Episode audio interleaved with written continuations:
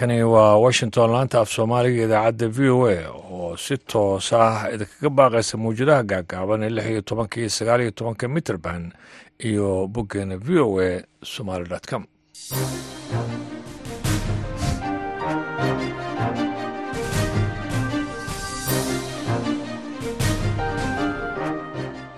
Habeen wanaagsan dhegeystayaal dhammaantiinba waa tobanka bisha februari ee sanadka labada kun afariyo labaatanka idaacadda caawa iyo dunidana waxaa idiin soo jeedinaya anigu ah ibraahim xasan garabey daandurey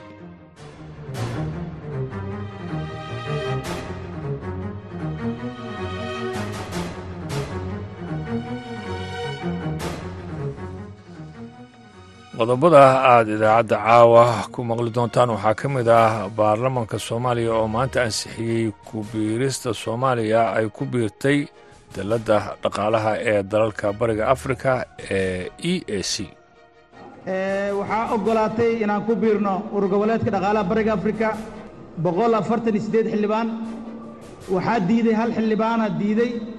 Hal xildhibaanna wuu ka aamusay. Sidaas darteed inaan ku biirno urgoboleedka dhaqaalaha bariga afrika golaha shacabka uu ansixiyey. Waa mahadsantihiin. Waxaa kale oo aad dhegaysan doontaan barnaamijka caweyska washington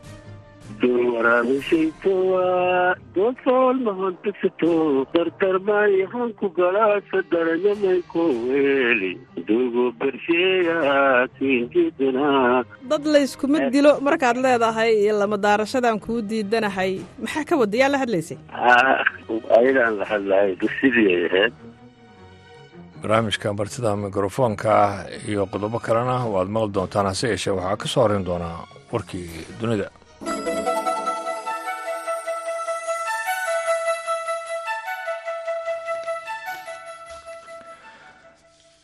duqeymaha cirka israa'iil ayaa waxaa lagu dilay ugu yaraan kow iyo soddon falastiiniyiina magaalada rafax maanta saacada kadib markii ra'iisul wasaaraha israa'el uu sheegay in milatariga uu ka codsaday inay qorsheeyaan daadguraynta boqolaal kun oo qof oo ku nool koonfurta magaalada khaza ka hor duulaan dhulka. Ah benjamin netanyahu ma uusan bixinin faahfaahin ama waqti laakiin ku dhawaaqista ayaa waxay dhalisay argagax baahsan.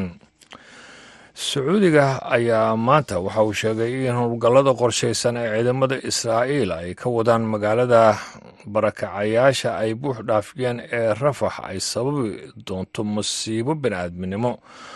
Waxaana markaasi sacuudiga uu ku baaqay in golaha ammaanka ee qaramada midoobay uu soo farageliyo war ka soo baxay wasaaradda arrimaha dibadda ee sacuudiga ayaa waxaa lagu sheegay in boqortooyada sacuudiga ah ay ka digayso halista iyo cawaaqibka xun ee ka dhalan kara weerarada iyo howlgallada israa'iil ay ka wado rafax bayaanka ayaa sidoo kaleeto riyaad ay ku sheegtay in ku-xadgudubka joogtada ah ee sharciga caalamiga ee bini'aadminimada uu dalbayo baahi loo qabo in si deg dega golaha ammaanka ay ku soo farageliso si looga hortago in israa'iil ay horseedo masiibo bini'aadminimo oo hor leh baaqa sacuudiga ayaa imanaya iyadoo ra'iisul wasaaraha israa'iil benjamin netanyahu uu shalayta sheegay in uu ku amray milatariga dalkiisa in ay diyaariyaan qorshe dadka rayadka ah. Looga daadguraynayo magaalada rafax ee ku taalla dhinaca koonfureed ee marayka gaza xilli ciidamada israa'iil ay isu diyaarinayaan in ay howlgal dhinaca dhulka ay ka fuliyaan magaaladaasi duqeyno ay fuliyeen dowladaha aan duuliyaha lahayn ee ruushka ayaa waxaa xalayto ay ka dhaceen magaalada kharkif ee magaalada labaad ah ee ugu weyn ukrein waxaana ku dhintay ugu yaraan toddoba qof oo ay ku jireen saddex caruura sida maanta uu sheegay guddoomiyaha gobolka kharkif ole sinuhulbuf gudoomiyaha ayaa waxa uu sheegay in diyaarad kuwa aan duuliyaha wadina ee nuuca shayida iiraan ay samayso ay duqayso kaabayaasha rayadka ee degmada nimishalyan ee magaalada taasi oo sababtay dab aad u weyn oo gubay shan iyo toban guri wasiirka arrimaha gudaha ee ukrein ilhor klimenko ayaa isaguna waxa uu sheegay in in ka badan konton qof la daadguriyey waxaana shaqaalaha gurmadka ay xakameeyeen dabkii saakeeto ciidamada cirka ee ukrain ayaa sheegay in nidaamka difaaca cirka ay burburiyeen saddex iyo labaatan ka mid ahaa kuwiiyo soddon dayuuradaha aan duuliyaha wadin ah ee nuuca shaheeb ruushka uu soo ganay habeen hore bayaan ka soo baxay ciidamada difaaca ee cirka ayaa waxaa lagu sheegay in dowladaha aan duuliyaha lahayn ay si gaara ay u bartilmaameysteen gobolka waqooyiga bari ee kharkif iyo gobolka koonfureed ee odesa. Ergeyga gaarka ah ee maraykanka u qaabilsan arrimaha xuquuqul insaanka ee kuuriyada waqooyi juli turner ayaa waxa ay u safri doontaa tokyo iyo seoul laga bilaabo maalinta isniinta sida ay sheegtay wasaaradda arrimaha dibadda ee maraykanka turner oo booqashadeedu ay qaadan doonto ilaa iyo laba toddobaad ayaa waxa ay la kulmi doontaa saraakiisha dowladda dhaqdhaqaaqayaasha iyo kuwa kuuriyada waqooyi ka soo goostay sida wasaaraddu ay ku sheegtay war-saxaafadeed ay soo saartay safarka ergeyga gaarka turner ayaa hoosta ka xariiqaya sida ay uga go-an tahay maraykanka ee ah horumarinta xuquuqda aadanaha ee kuuriyada waqooyi kordhinta helitaanka macluumaadka aan la faafreebin ee gudaha dalkaasi ee xiran iyo weliba xoojinta codadka badbaadayaasha ah ee u ololeynaya isbeddel la taaban karayo sida lagu yiri war-saxaafadeedka warkiina dhegeystayaal waa naga intaas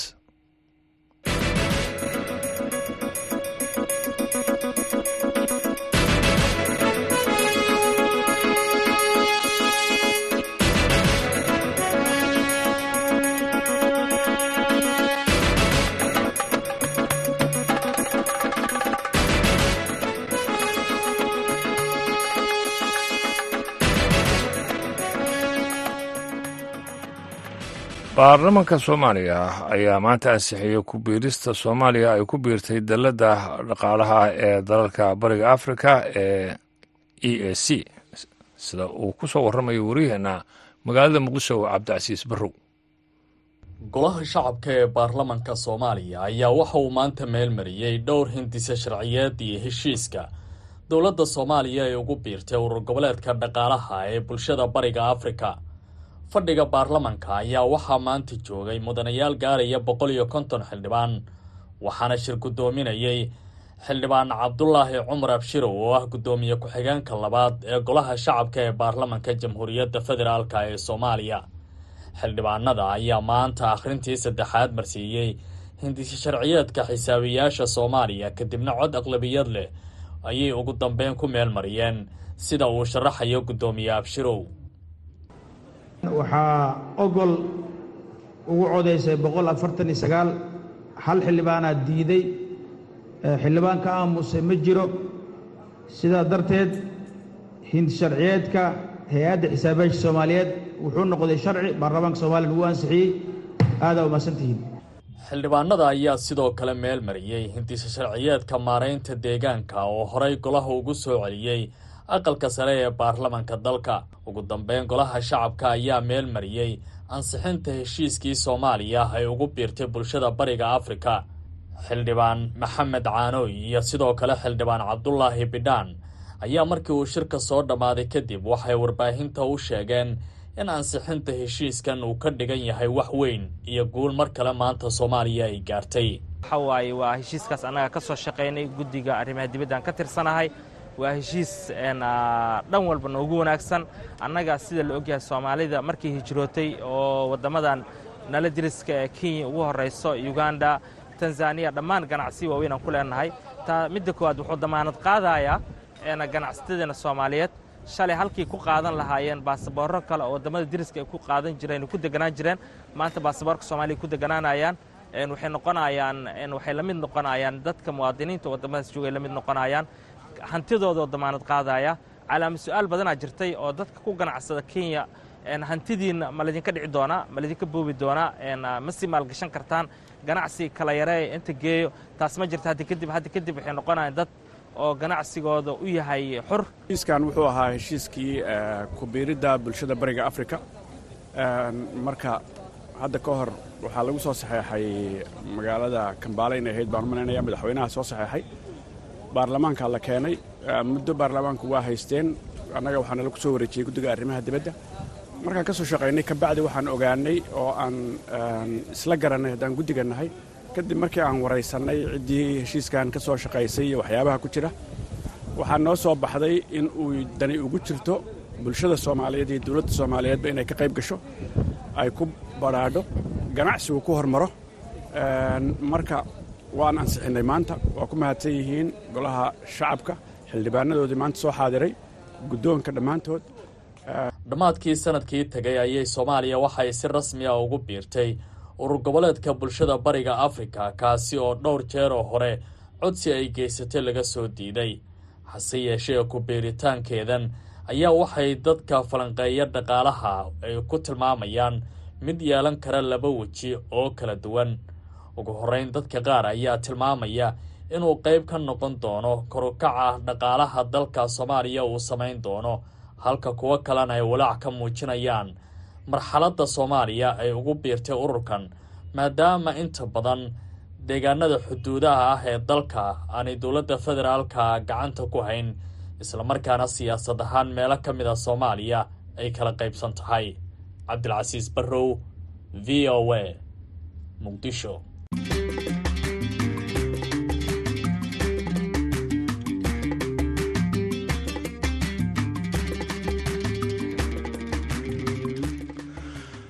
saraakiil ka socota waddamada galbeedka afrika ee ku buhoobay dalladda ecos ayaa khamiistii la soo dhaafay ku kulmay caasimadda dalka nigeria ee abuja si ay uga wada hadlaan ka bixitaanka ay ecos toddobaadkii la soo dhaafay ay ka baxeen waddamada mali burkina faso iyo niger. Ecos ayaa sidoo kaleeto ka hadlaysa sidii xal loogu heli lahaa mushkilad ka taagan dalkaasi senegal halkaas uu madaxweynuhu dib u dhigay doorashada warbixin timothy obizo ee abuja. Waxaa soo jeedinaya maxamed colaad xasan kulanka ay khamiistii yeesheen saraakiishan ekowas ka socday ayaa looga dan lahaa in lagu jeexjeexo isbedelada siyaasadeed ee gobolka ku soo kordhay oo ay ugu horreyso kabixitaanka ay saddexda waddan ka baxeen dalladan ay shan iyo tobanka dal ku jireen kadib kulan saacado qaatay oo ay albaabada isu xirteen. Saraakiishan ayay ekowas sheegtay inay sii wadayso dadaal ay ku doonayso inay wadahadal la gasho wadamadan ka baxay ee niger mali iyo burkina faso. Laakiin ekowas waxaa kaloo ay sheegtay in go'aanka ay wadamadaasi uga baxeen dalladda uu cawaaqib xun ku yeelan karo waddamada ku bahoobay dalladan iyo muwaadiniintooda. Cumar caliyo towray waa guddoomiyaha guddiga sare ee ekowas while we were waiting and hoping to see more progress in the countries in xaqiiqadii xilli aan sugaynay oo aan rajo ka qabnay inaan horumar ka samayno xaaladda waddamada xilliga kala guurka ku jira ayaa mushkilado kaleeto oo isbiirsaday aan guradda gelinay inkastoo dadaalkeenna wadajirka ahi uu abuuray xaalad deganaansho haddana indhaha lagama qarsan karo in howl badan ay inoo taallo burkina faso mali iyo niger oo dhammaan xukunka ay la wareegeen milatariga ayaa si deg dega ugu dhawaaqay inay ka baxeen ekowas qoraal wadajira oo ay soo saareen toddobaadkii la dhaafay. Saddexdan waddan ayaa ku eedeeyey ekowas inay gudan weysay waajibaadkii loo egmaday iyo mabaadiidii lagu aasaasay iyagoo u hoggaansamay bay yidhaahdeen faragelinta awoodo shisheeye. Waxaa kaloo ay saddexdaa waddan cambaarayeen cunaqabatayn ay ekowas ku soo rogtay oo ay ku tilmaameen mid bani'aadnimada ka baxsan maalmo kadib kabixitaankooda ayaa dibadbaxyo waaweyn ay ka dilaaceen dalka senegal halkaas oo madaxweyne mark sally uu dib u dhigay doorashooyinkii madaxtinimo ee la filayey inay waddankaasi ka qabsoomaan bishan februari isagoo dib ugu riixay bisha desembar ee dhammaadka sanadkan. Go'aanka madaxweynaha waxaa ansixiyey golaha baarlamaanka ee dalkaasi laakiin waxaa si weyn u dhaleeceeyey siyaasiyiin iyo dad kale oo badan oo ka faallooda arrimaha siyaasadda gobolka dadkaasi waxaa ka mid ah falanqeeye axmed buhaari oo go'aanka madaxweynaha ugu yeeray afgembi lagu sameeyey dastuurka dalkaasi.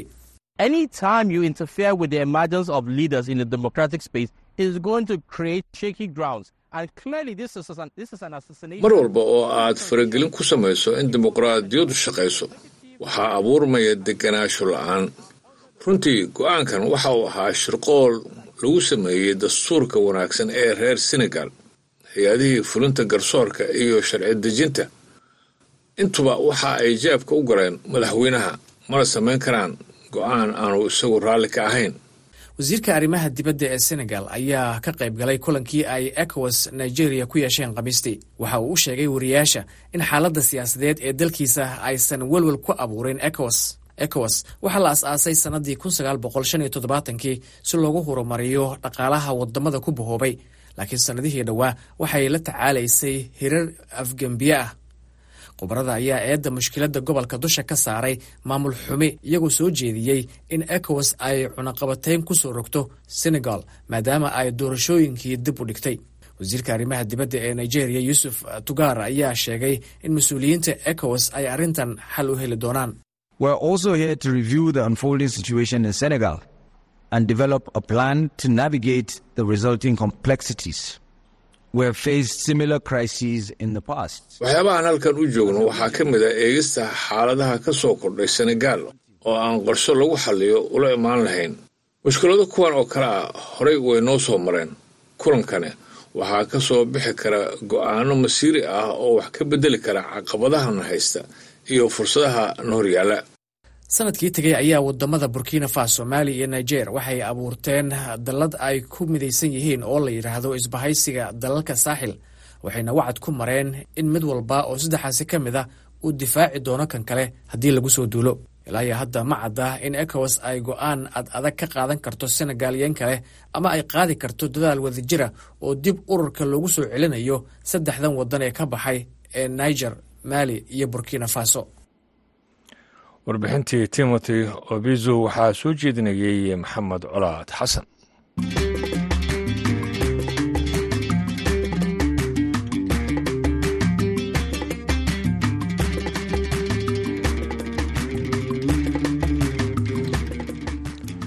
haatana dhegeystayaal waxaad ku soo dhowaataan barnaamijka martida mikrofoonka. Waxaa soo jeedinaya cabdixaafid cawil ismaaciil kulanti wanaagsan idinkiin baa khiyaartana dhegaysanaysa meel kasta oo aad caalamka ku sugan tihiinba kuna soo dhowaada barnaamijkeeni martida mikrofoonka ciidanka booliiska soomaaliya ayaa sheegay inay soo qabteen nin ay ku eedaysan inuu ka dambeeyey inuu gubay xaaskiisa. Fariin qoraal ah oo loo diray warbaahinta ayaa afhayeenka booliiska gaashaanle sadiiq aadan cali duudishe uu ku sheegay in ciidamadu ay u suurto gashay inay gacanta ku dhigaan ninkaasi ku eedaysan falka gubista. Oo booliisku ku sheegeen magaciisa sayid cali macalin daa'uud booliiska ayaa ku eedeeyey ninkaasi in lix labaatankii bishii bishan aynu bishii aynu soo dhaafnay uu gubay xaaskiisa oo lagu magacaabi jiray. Allah u naxariistee luul sheekh cabdi oo toddobaad kadib shilkaasi u geeriyootay dhaawacyadii ka soo gaadhay ciidanku waxa kale oo ay sheegeen inay sidoo kale soo qabteen laba eedaysane oo gacan ku siinaya inuu ciidanka ka baxsado. Maaha markii ugu horeysay ee nin soomaali ah oo xaaskiisa ku dilo deegaanada soomaalida waxaanad moodaa in dembigani uu isa soo tarayo. Waa maxay sababtu? Ma loo baahan yahay in la adkeeyo shuruucda iminka jirta ee dembiyada noocaasa lagula macaamilo? Barnaamijkeenna martida microfoonka ayaynu ku eegeynaa arrinkan. Barnaamijkana waxaa inoogu marti ah xildhibaan fayse maxamed jeete oo ka tirsan golaha shacabka soomaaliya. Marka hore xildhibaan fayse ku soo dhowow barnaamijka martida microfoonka.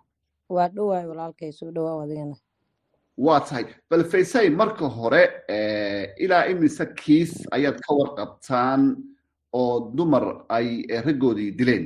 Wallaahi kiisaskaas waa badan yihiin waana iska dhadhacaan marar qaar. Inkastoo hadda bishaan aan ku jirno iyo tii december dabayaaqadeedii hadda ilaa hadda laba kiis ay jiraan waa suurtagal kuwo kalena inay jiri karaan oo aniga maqlin laakiin laba kiisaa jirtay oo hadda kii gabadha la gubay iyo ku kale oo asana gabar kale tuurey loo adeegsaday dilkeeda. Waxaana jira kiisas noocan ah oo ka horreeyey soo maaha. Haa haa waa jiri karaan. Waa mar kastana waa wax iska dhaco. Hadda mid waxaa jira shalay gabaraha naftirkeeda sida ninku gabadha u gubo kale ninkeeda ku gubtay magaalada muqdisho inkastoo hadda aanan maqal weli geeridiisii laakiin waa iska dhacaan kiisaskaas. Waa tahay xildhibaan fayse ma kuu muuqataa in dembiyada noocan ah ee dilka iyo tacadiyada kale ee dumarka lagula kaco weliba ay kula kacaan ragga qabaa ay ku soo badanayaan deegaanadeenna? Aad iyo aad. Maxaa kalifaya ayaad is leedahay? Waa maxay sababtu waxaan is leeyahay waxaa kalifayo muqaadaraad ay isticmaalaan inta badan dhalinyarada ama ragga soomaalida. Sidoo kale qamaara jiro hadda waayahan dambe ku soo biiroy dheelaan sidoo kale cabsi badanaana jirin oo ay ka cabsanayaan sharci ay ay aaminsan yihiin waxay aaminsan yihiin inay intay dembigan galaan ay sii noolaa karayaan. Marka taasaa keenaysa waa tahay xildhibaan faysa adiga oo gashanaya koofiyadii dumar ahaan adiga oo qof dumara ah. Sidee ayaad isleedahay waa sida ugu wanaagsan arrinkan wax badan looga qaban karo oo loo joojin karo. Maxay kula tahay? Waxay ila tahay in kiiskan ama dilkan haddii la rabo in la joojiyo sharciga waddankan u yaalo oo qof haddii qof dilo in la dilo ah oo shareecada islaamkuna ay ogoshahay shuruucda dalka u taalana ay ogol yihiin in la marsiiyo oo qofka qof dilo tiirka la geeyo si kan kalena uu beri u badbaado uusa qof u dilinoo dadku kala badbaadaan kan la tooganayana uu cabsoodo kii la dili lahayna uu badbaado. Waa tahay. Inta badan inta aan dilku iman waxa dhacda in dee kolley dhibaato iyo isqabsi ayaa ka horreeya in dee qoyska ay ka dhex dhacdo. Iminka waxaa la sheegaya inay dhawaanu la heshiisiiyey ninkan ku eedeysan inuu gabadhiisii dilay maxaad isleedahay marka dee nin iyo xaaskiisu ay isqabsadaan ee qoysku dhex galo in qiimayn iyo iyo iyo baaritaan badan la sameeyo oo xalku halka uu gaarsiisan yahay in laga fakero khataro iman kara. Say kugu muuqataa? Wax fiican waaye laakiin adduunyada dhaqana jiro soomaalida dhaqan ahaan waxaa jiro dhaqan ay leedahay oo gabadha iyo odageeda hadday isqabsadaan ilaa xad haddii xataa gabadha laga gardaran yahay waxaa lagu qanciyaa horta qoyskaaga iyo dumin guriga waxaa laga yaabaa inay xal tahay gurigan dadka in la kala diro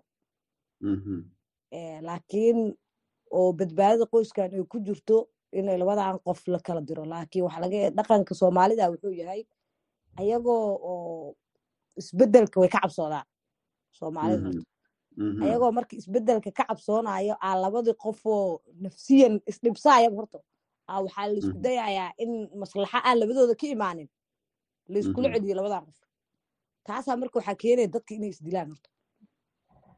Marka waxay ila tahay aniga dadka markay isqabsadaan labada qof hadday ayaga dagaalaan waxaa fiican in ayaga hala heshiisiiyo oo halaga shaqeeyo inay heshiiyaan.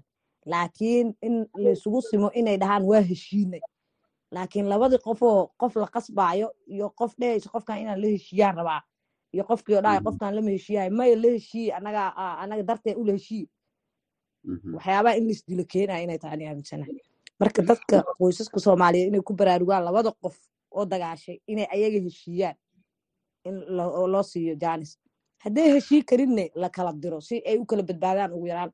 Waa tahay xildhibaan faysa dabcan waxaa jira shuruuc u taala dalka oo dembiyada noocan oo kale ah in la raaco dhigaya. Dhinaca fulintu waa sidee? Ayaad isleedahay fulintu horta garsooraa jiro kabacdi waayo fulinta oo markii qofkii uu dembi galo maxkamada la geynaya waa xukumaa ilaa darajooyinka haddii uu qofku rabo xaqa uu inuu racfaan qaaqaato haddii uu maxkamadda ugu horeyso uu ku qancana waa waa kaasaa marka fulinta iyo garsoorkaba dhaqanka soomaalida ka xoog badan oo yacni inay intay go'aan way fiicnaa lahayd kiis marba hadduu dil yahay qofkii qof dilo in hore laga dilo oo si dhibka u yaraado. Laakiin dhaqanka soomaalida iyo shareecada islaamku ayadana ogol in laga heshii karo dhiigga. Taasaa waxay keenaysaa soomaalida dhaqan ahaan qofkii qofkan waa dhintay aa la leeyahay ee qofkan kala haddayo waa ilaahay inuu cafiyan waa dhici kartaa hala cafiyo diya hala dhiibo. Waa la soo daynaa qofkii diyaa laga dhiibayaa. Marka dadkii oo dhan waxay aamineen dembi hadday galaan in la xalihayo hadhow horta marka ma cabsaayaan dadka. Ka haddii aad tihiin golaha shacabka soomaaliya ma isleedahay idinka mas'uuliyad ayaa idinka saaran inaad dardar gelisaan in dembiyadaas marka la galo in la fuliyo wixii markaa mudan in la qabto.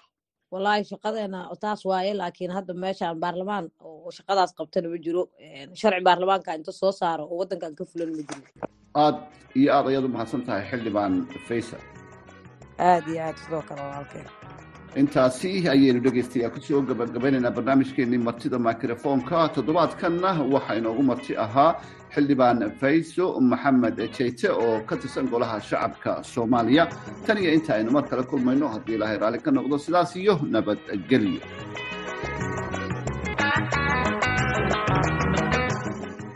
cabdixaafid cawil ismaaciil ayaana soo jeedinaya. Haatana dhegeystayaal waxaad ku soo dhowaataan caweyska washington waxaa soo jeedinaysa caashi ibraahim aadan.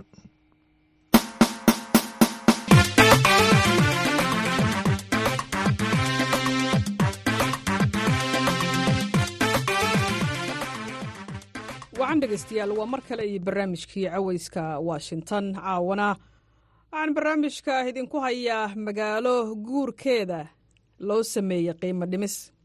Qiimihii guurka ayaa hoos loo dhigay waa sheeko xiise leh oo barnaamijkan aad caawa ku maqli doontaan. Waxaan kaloo idiin hayaa qayb kale oo ka mid ah waraysigii aan toddobaadkii hore la yeeshay. Abwaan fanaan muxidiin musdhaf oo ku magac dheer muxudiin lamadaarasho. Korkaanugeela katin iyo kalaymalkuugne koobtaana gayaasa kaamilmilkii ume kutaabala korkaa kararmal ku dhaafne kutaabala nafta koraa liinka taliye intii liinku goya waa caawa iyo caweyska washington.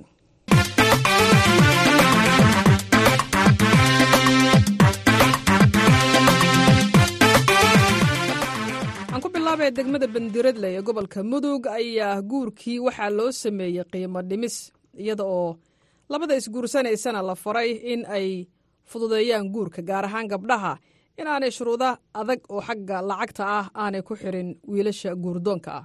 Cabdiraxmaan nuur waxa uu ka mid yahay dhallinyarada hormuudka ah ee degmada bandiiradley waxa uu nooga sheekaynayaa bal qiimo dhimista guurka ee degmadooda ka dhacay waxaa looga dan leeyahay. Cabdiraxmaan marka la soo dhowow waxaad ku soo dhowaataa idaacadda v o a waxaad ku soo dhowaataa barnaamijka caweyska washington. Bal waxaan rabaa inaad si kooban noogu faahfaahiso sheekadan ku saabsan guurkan qiimihiisii la dhimay. Waa ku dhowa caasicuuda walaalo waa ku dhowahay idaacadda v o a waa mahadsantiin adinkuna. Walaalay barnaamijkaas waxaan u sameynay guurkii ayaa wuxuu noqday qaali. Sidaa daraadeed markii dadkii isku yimaadeen deegaanka joogay dhaqankii hadday ahaan lahayd hadday culumadii ahaan lahayd haddii dhalinyarada ahaan lahayd ayaa waxaa la istusiyey barnaamijkaas inuu karanta wax u dhigahayo sidaa daraadeed marka waxaa layihi qodobada waa laga soo saaray. Wacgelin wacyigelinna waxaa layihi loo sameeyo. Marka maxaa la yidhi qiimihii guurka hoos ha loo dhigo oo qiimo dhimis ha lagu sameeyo qarashaadkii guurka? Ha waxaa la yidhi saddex qodoba waa la soo jeediyey ko waxaa la yidhi hal la fududeeyo. Si taranta ay u sii badato. Laba waxaa la yidhi sooryadii iyo xaragadii la bixinhayay iyo arooskii.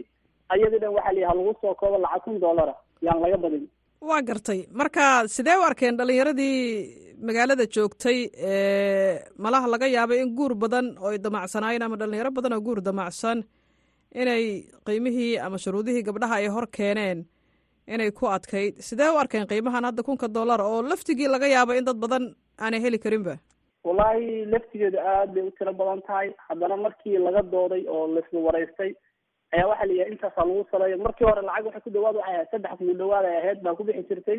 Dhalinyaradu markaa dhinaceeda haddaa ka eego qaarkood way soo dhaweeyeen qaarna xagga dumarkana waxay yidhaahdeen annaga hoosa naloo dhigahayaa ayagana ujeedkeedu ma ahayn markaas waxa lacagta qaadan jira waxay ahayd waalidiinta. Waxa waxaan soo saarana waa waalidiintii. Marka gabdhihii ku doodaya miyaa in ayaga qiimahoodii hoos loo dhigay oo qiimo jab lagu sameynayo gabdhihii sax wey ha qaar baa gabdhihii waxay yidhaahdeen qiimo jab maa lagu sameynayaa oo annaga naloo daleeya ma ahane? Raggu go'aanka ma ahan barnaamijkaas. Hay marka maxaa ku qanciseen gabdhihii magaalada jooga oo iyagana in la dhegeysto mudnaa wallaahi walaali waxaa lagu qancinaya laba qodob oo wax ku qancinaynaa waa midda koowaad oo waxaa lagu ballamay in shir lasugu yeero oo ayagana lala kulmo oo barnaamijkaas laga dhaadhiciyo inuu saaxan wax ayaga lagu xumeynhayo kaas waa lagu ballamay. Tan kalena waxaa la yihi hala tuso. Sababta waxaan waxa qaadan jira markii hore. Odayaasha iyo waxay ahayd maamooyinke gabdhaha ma ahayn saa daraadeed marka odayaasha hadday soo saareen waxaan nidhi barnaamij macquula weye wuu naxalis maayo insha allahu kariim. Marka ma ku jira qiimo dhimista la sameeyey cadadka ay gabadha marka la mehrinayo ay sheegan karto? Ilan waa waa mid ay xor u tahay. Taana go'aan miyaa ka gaarteen? May walaal taas waxa la go'aan lagama gaarin. Waana wax ku xiran labada qofood waxay ku heshiiyaan. Waxaa kaloo jira dadka qaarkood inay kala qaataan yarad. Ayadana waxa la yihi waa waxa dadka ay isku afkartaan oo iskugu kalsoon yihiin laakiin yaan laga dhigin wax cadidan oo leeyahay. Ilaa ilaa intaas hadaada ay siin wax kugu xirmaayo ayadana waxa la alla fududeeyo. Marka marka qiimahan kunka dollara xaguu ku salaysan yahay. Dhinacuu jiraa qiimaha kunka dollar wuxuu ku salaysan yahay waxaa jirta caado caradan ka jirta oo lacag waxaa la kala qaataa. Sooriye la yidhaahdo ama xarago dadka qaar isu yaqaanaan. Iyo wuxuu ku salaysan yahay lacagta arooska ilaa gabadhii waxay u baahan tahay qurxin loo sameeyo. Barnaamijka dhan bay u baahanta marka waxa la wax oo dhan ba intaa lagu wada soo koobo oo kun dollar yaysan ka badanin xaragadii iyo qurxintii iyo gabadhii naashinaashkeedii ha waxa dhan waxa la intaasa lagu sa xadido haye marka maxaa isleedihiin oo arrintan aad gaarteen qiimihii dhimistaad ku samayseen guurkii. Ujeedaduna tahay ujeedaduna tahay inaa inaa inaa fududaysaan. Maxaa marka damacsan tihiin inaa gaartaan? Hadafku muxuu yihi waayo hadafku wuxuu yahay waa midoo waxa la yidhi awalan hala fududeeyo dadku dadku qaarba si weeye qaarku xoolay haystaan wixii waa iska bixin karaan. Qaar wax ma haystaan. Qaar kunkan ba ku culusba oo ku tiro badan. Marka waxa la meel dhexa inti la isugu yimaado. Barnaamijka aan fududayn ka dhigno oo dadkii si ay ugu degdegaan in guur ay sameeyaan. Marka maxaa maxaa hadda rajaynaysaan? Mar haddii aad toddobaadkan ku dhawaaqdeen qiimo dhimistaas magaaladii inta isu timid maamulkeedii uu go'aankan gaaray maxaa filaysaan marka in guurka uu magaalada bandiiradle uu buumin ka noqdo maalmaha soo socda. Waxaan rajaynaynaa insha allahu kariim inuu si fiican ku noqdo. Dad badanna ay ka faa'idaystaan haddii ilaahayno iyo gabdho badanna uga faa'iideyno sababto ayadu gabadhi marka horeba lacag kuma xisaabtami jirin waxay risa nin u qalma ay hesho oo diintiisa iyo dhaqankiisa wanaagsan yahay. Marka waxaan leeyahay waan soo dhaweynayna qof kasta waana ka wada faaidaysan doonaa haddii ilaahayno marka sidee ku ogaanaysaan haddii qiimahaas aad goyseen inuu shaqaynayo in kale sidee ku hubin kartaan sababto qorshe waxaan sameynay wacyigelina wax qofka lagu qasbayo oo la leeyahay ilaa ilaa hala soo xiro oo barnaamijkaas ma jirin. Laakiin waxa dadka lagu wacyigeliyo hana laga dhaadhiciyo shayguna markuu soo baxo hore kama fulo. Waa wax tartiib tartiib u baahan oo dadka lagu wacyigelinayo. Culamoodiinka iyo odayaasha iyo dhalinyarada waa la isku daray. Biyo waxaa la sameyn dadka wacyigeliya oo barnaamij ka dhaadhiciya. Si tartiiban loona fahamsiiya ilaahayno haadaad umahadsan tahay cabdiraxmaan kusalaamaya walaa thank you. Thank you. Waa mahadsanta walaal adiga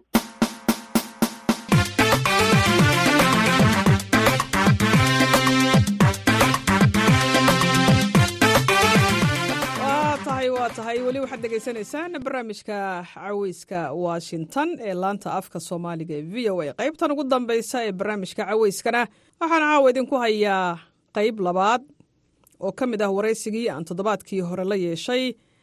Abwaan iyo fanaan muxudiin musdhaf oo ku magac dheer muxudiin lamadaarasho.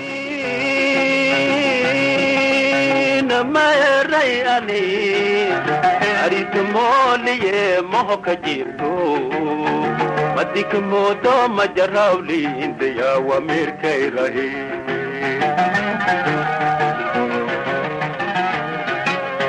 indoshe melmidohowt madiadahato malableefe mehelmama inti munkay kugoyaalta maanay maanaylaykuri ahindoshe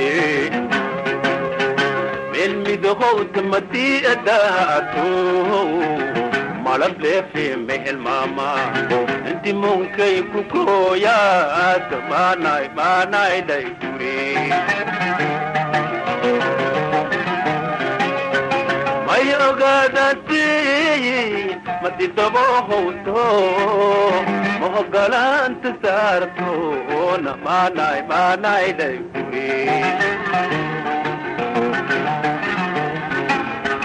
may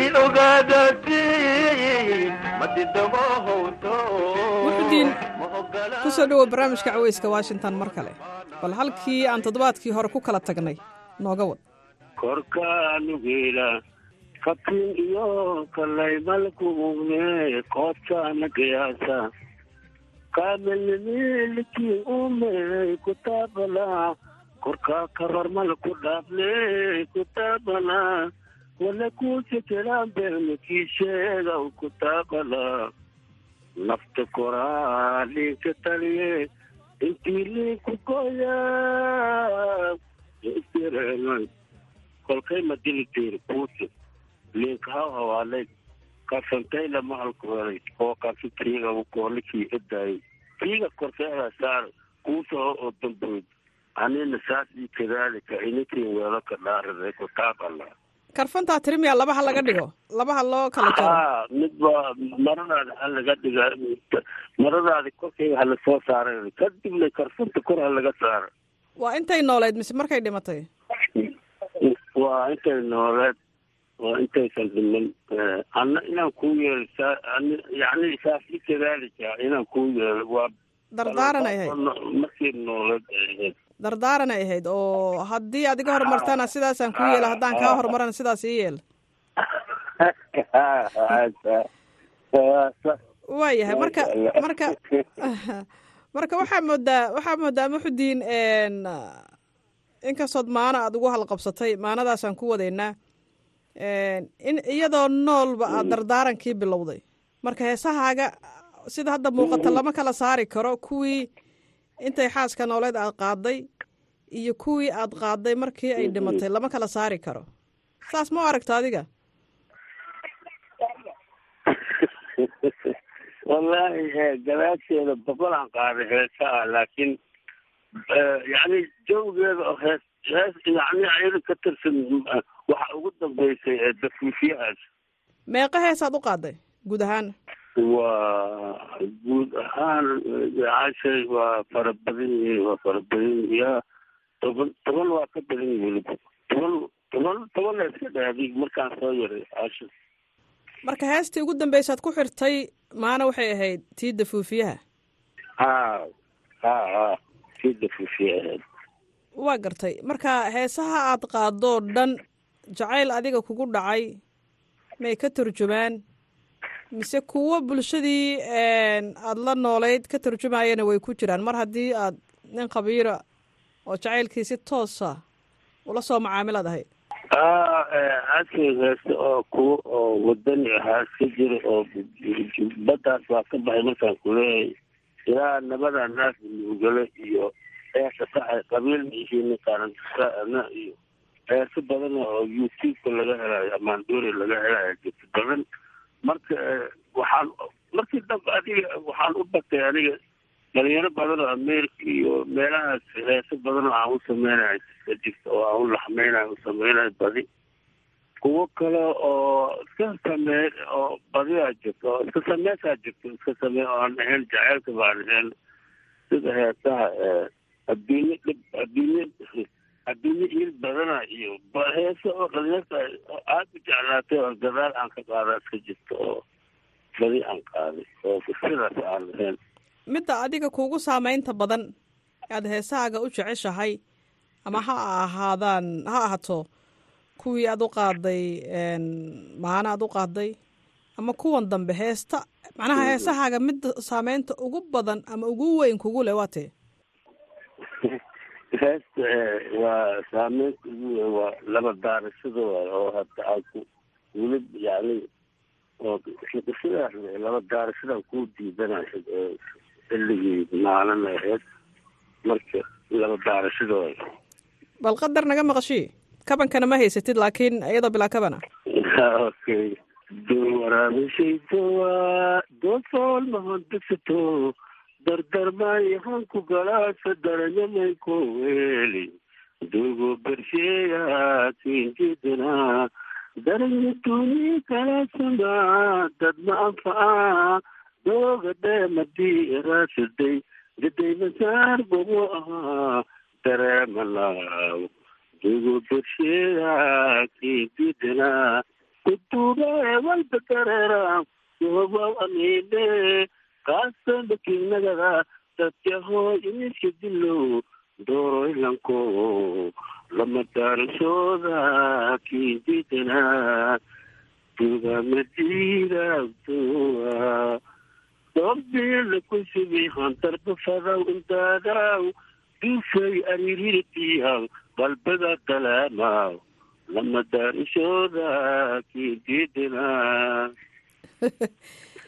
dad dad layskuma dilo markaad leedahay lama daarashadan kuu diidanahay maxaa ka wada yaa la hadlaysay? Ayagaan la hadlahay sidii ay ahayd oo xoogaa yani shakigaas ka jira haddaad meelkaa inaad aado rabto aadan irabin oo ama waalid ha kugu dare ama qof kaleba aad damacsan tahay ha isku dilin dadka aniga dartaad inaad qof u dilay waa iga suurtagashaa lama daarashadan kuu diidanaha marka waxaad lahayd ama aniga ama meel kale. Dhinac u go ha ha. Saas waay saas waay marka maxaa dhacay kadib? Ma dhinacagay noqoto mise dhinaca kale? Lama daarashadii maadaa lagu daarto mise dhinaca maasha allah dhinacayday noqotay aad iyo aad boqol. Kiiba boqol inkastoo aan magacaan qari magacaan qarinayo wax wal yani dhibaata adiga aflagaadi wixii yani qof haddaan la rabin oo wixii la dhihi karo yani waxaas in la dhahay in kale yani war warba uma hayay marka insha allah xaggayay noqotay alaa xaal? Micnihii magaca magaca magaca inaa qarisid maxaa kugu kalifayay haddaan magaca magaca haddaan banaanka soo dhigo arrintii arrinta kasmays kashafaada dhacayo oo dadkii waalidiintii oo anigoo waxba ii suurtagelin haddii ayada hees aan u qaado oo waagii cajalooyinkii wax la duduubaya ahayd oo magaciigii la maqlo. Arrinteeda kashmayso marka magaaga mawaayna maanikin kuweerow maana maanada jeesha maanikin afee yani macna macneeskaaga maanikin aan ku dhahay ahayd naashnaashkaaga iyo qurqurxintaada. Ha darteeda maana ku dhahaa yani ma waysini magacaadii waa saas ahayd laakiin iyada way iyada way ku fahamsaneyd soo maha in ayada la hadlaysid oo waxaasoo dhan sababtaad u samaynaysid inaad ayada qarinaysid inay wax kala daataan inaad diidaysay. Intaasoo dhan way kula fahamsaneyd markii dambe markii dambe markii dambe aa guursatay aada noqoteen nin iyo xaaskiisa aada noqoteen ilaa sideed caruura maasha allah aada dhalayseen. Markaas kuma dhihin miyaa? Markaan wax la qariyo meesha ma yaalaane magacayga banaanka keen heesaha magacayga ha wataan. Oo maanada bedel.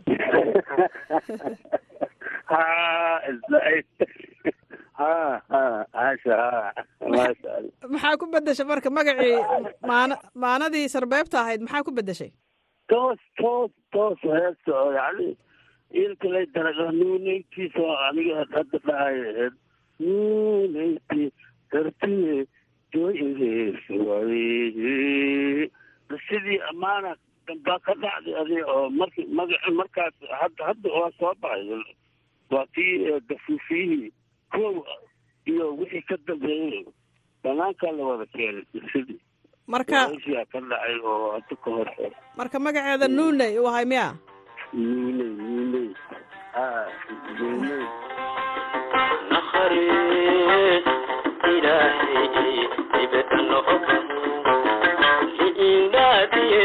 Lily.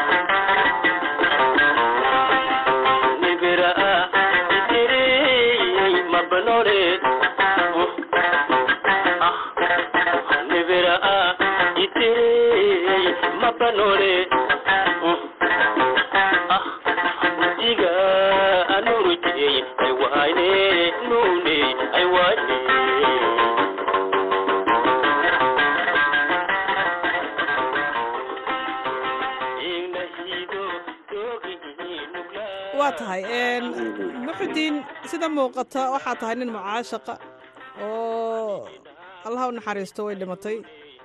Nin jacaylka toos ula soo macaamilay. Ay wax isla soo mareen.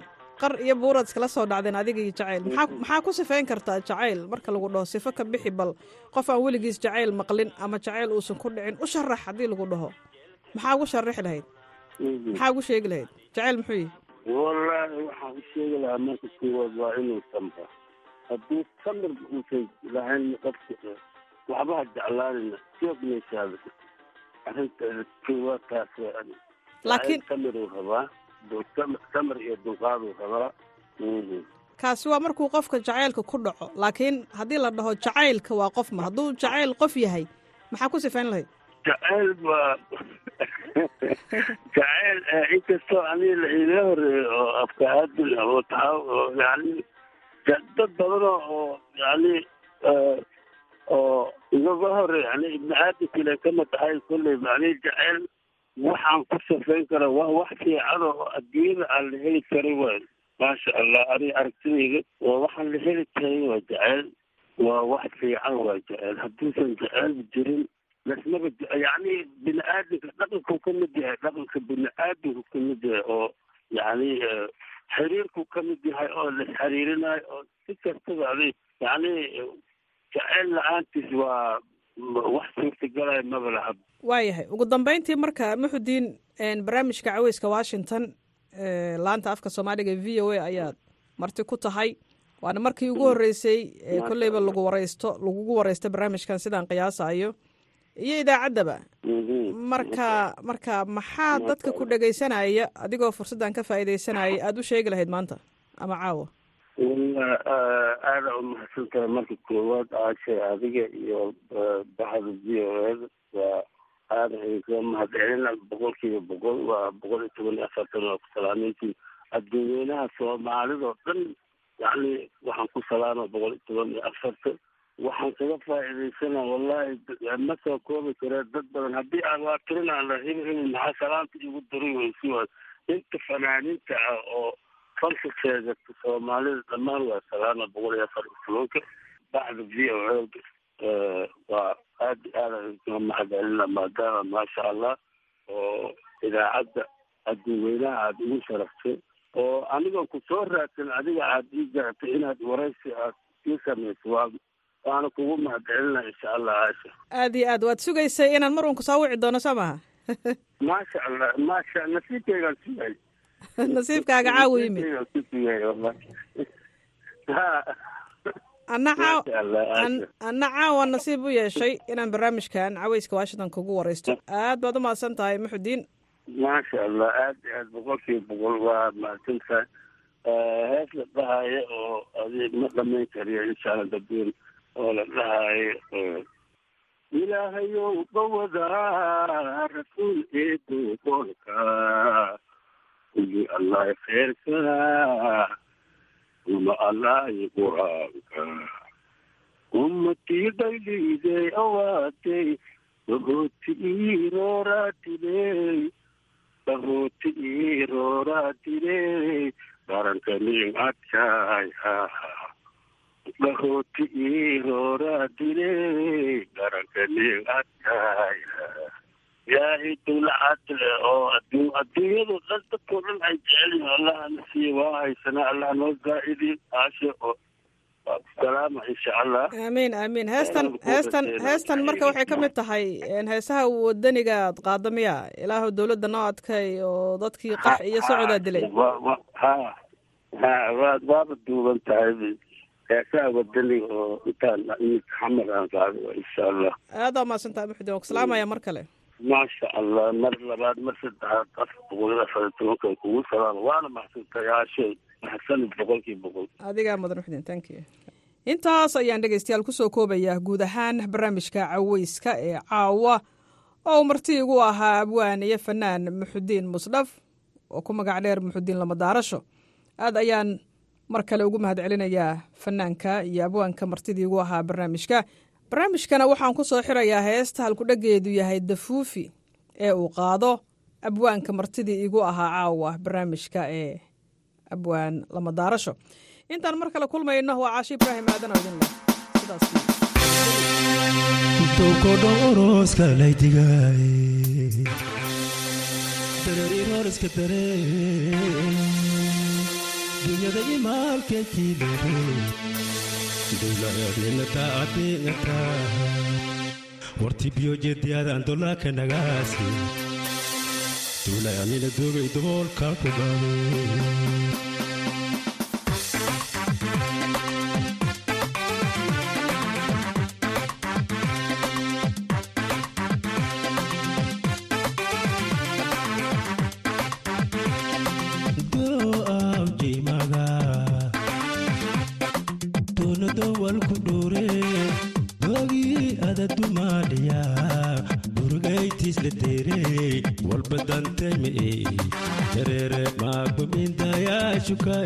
dowlaadeenata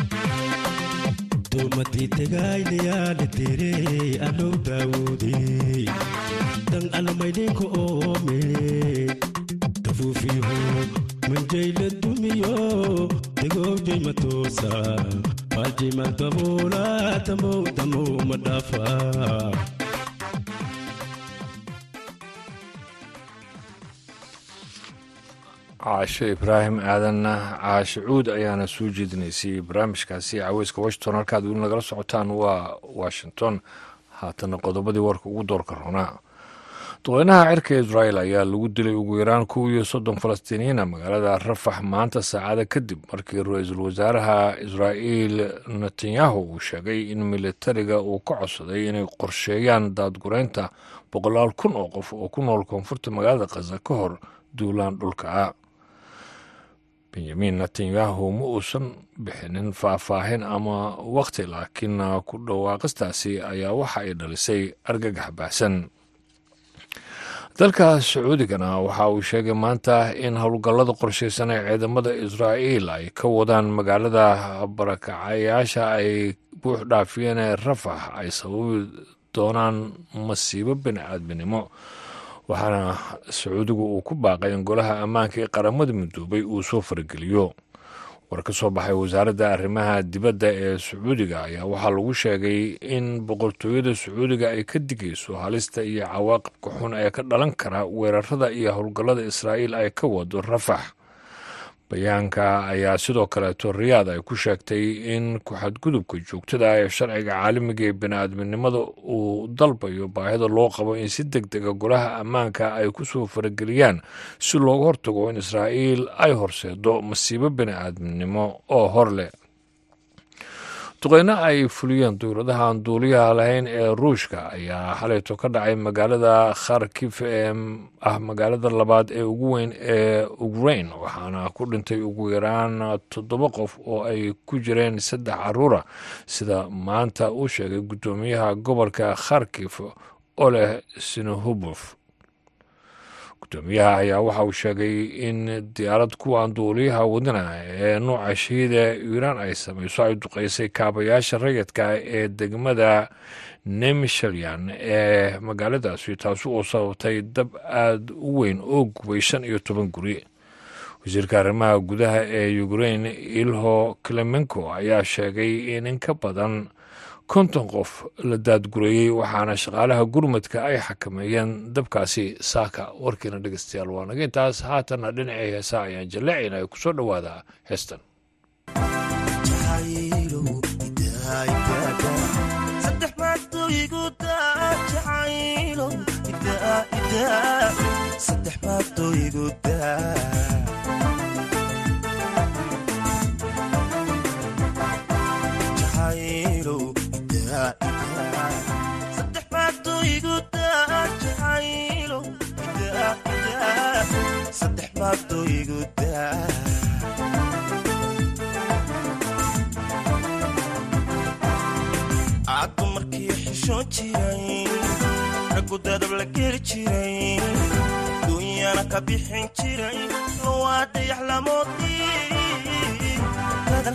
joogtaa dookhaygu kama helin aygu daa jacaylo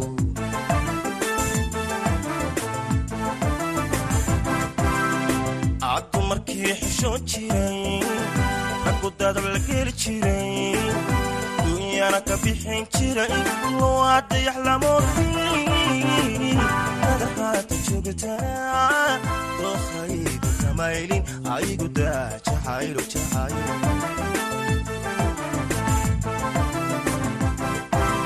mar haddaan dahaabiyo kaara fogo lahayno mar haddaan dahaabiyo kaara fogo lahayno idibadnay jirin dolar imaanayn danyar xisaaboy iguda jacaylo danyar igu xisaaboy iguda jacaylo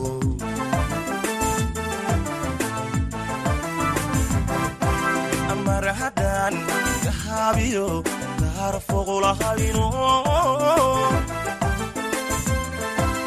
mar haddaan dahaabiyo kaara fogo lahayno idibadnay jirin dolad imaanayn danyar igu xisaaboy iguda jacaylo danyar igu xisaaboy iguda jacaylo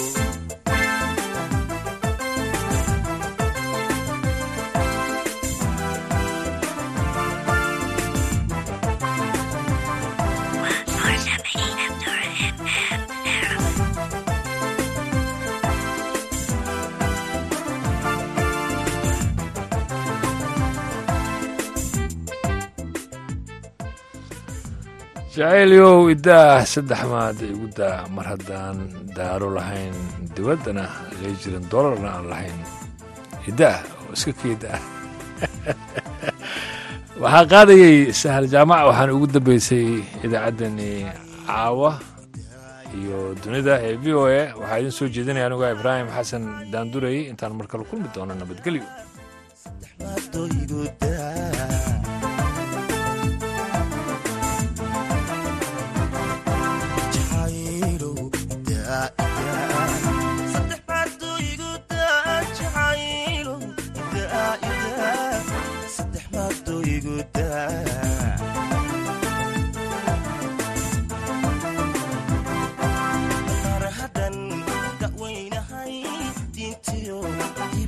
mar haddaan waynahay diintiyo cibaadada dagoodan u lexdo rabbi baan tusanayaa dembi dhaafsanaya igu daa jacaylo dembi dhaafsanaya igu daa jacaylo